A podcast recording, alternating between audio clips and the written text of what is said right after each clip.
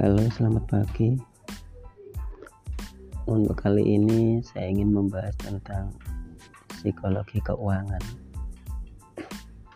Seperti yang, seperti yang kita ketahui bahwasanya banyak sekali masyarakat yang tahu tentang uang,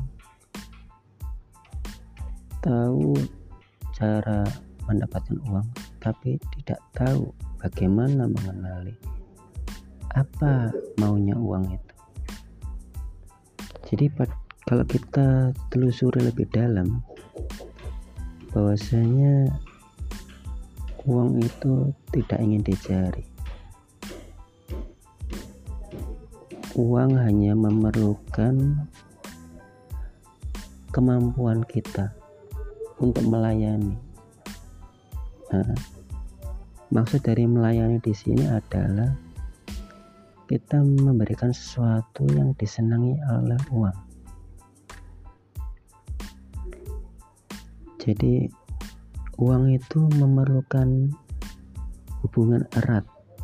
Hubungan erat itu bisa berupa keterampilan, sikap kita, keyakinan kita, kebiasaan kita, Nah, semua yang saya sebutkan itu adalah nilai. Nah, nilai ini jika kita terus tingkatkan, maka nilai ini akan menarik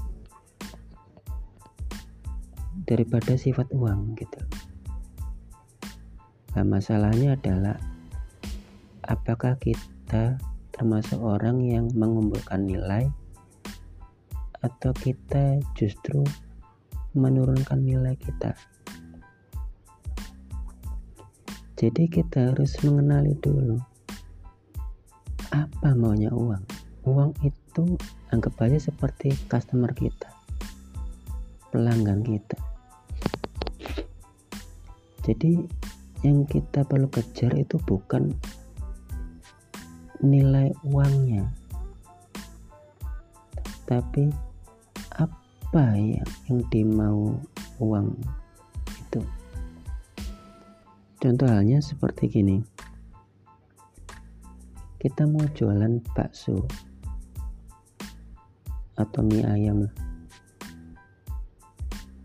supaya kita mendapatkan uang bagaimana?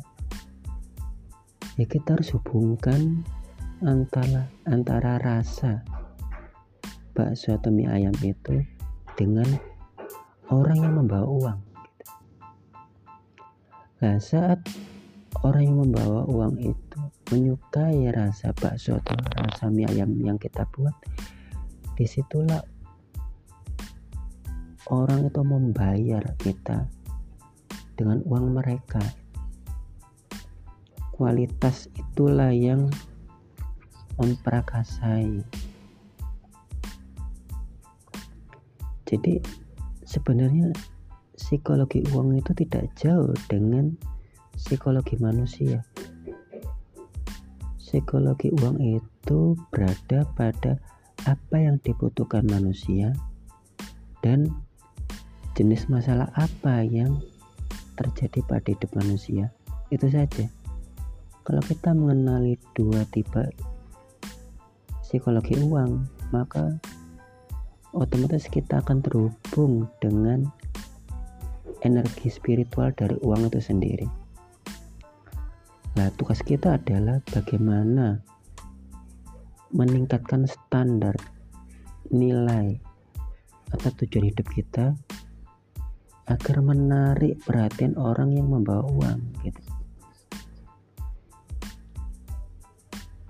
Itu sebabnya psikologi uang itu sering berada pada sesuatu yang menjadi pusat perhatian manusia, misalnya periklanan, misalnya pelayanan yang bagus, cita rasa,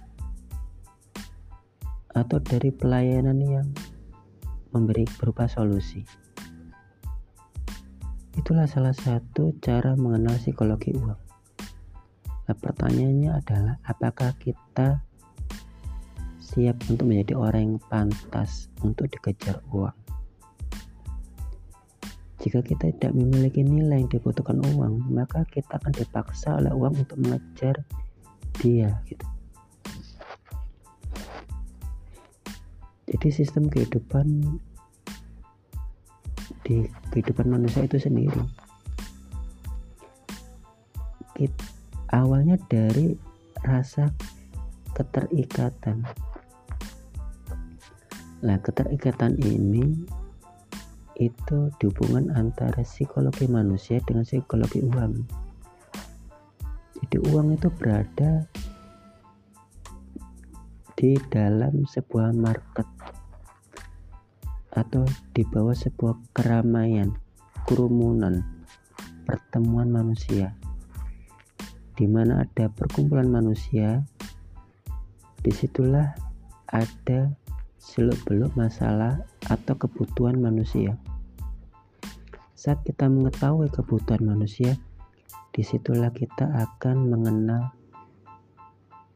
apa maunya uang. Jadi itulah yang dimaksud dengan psikologi uang.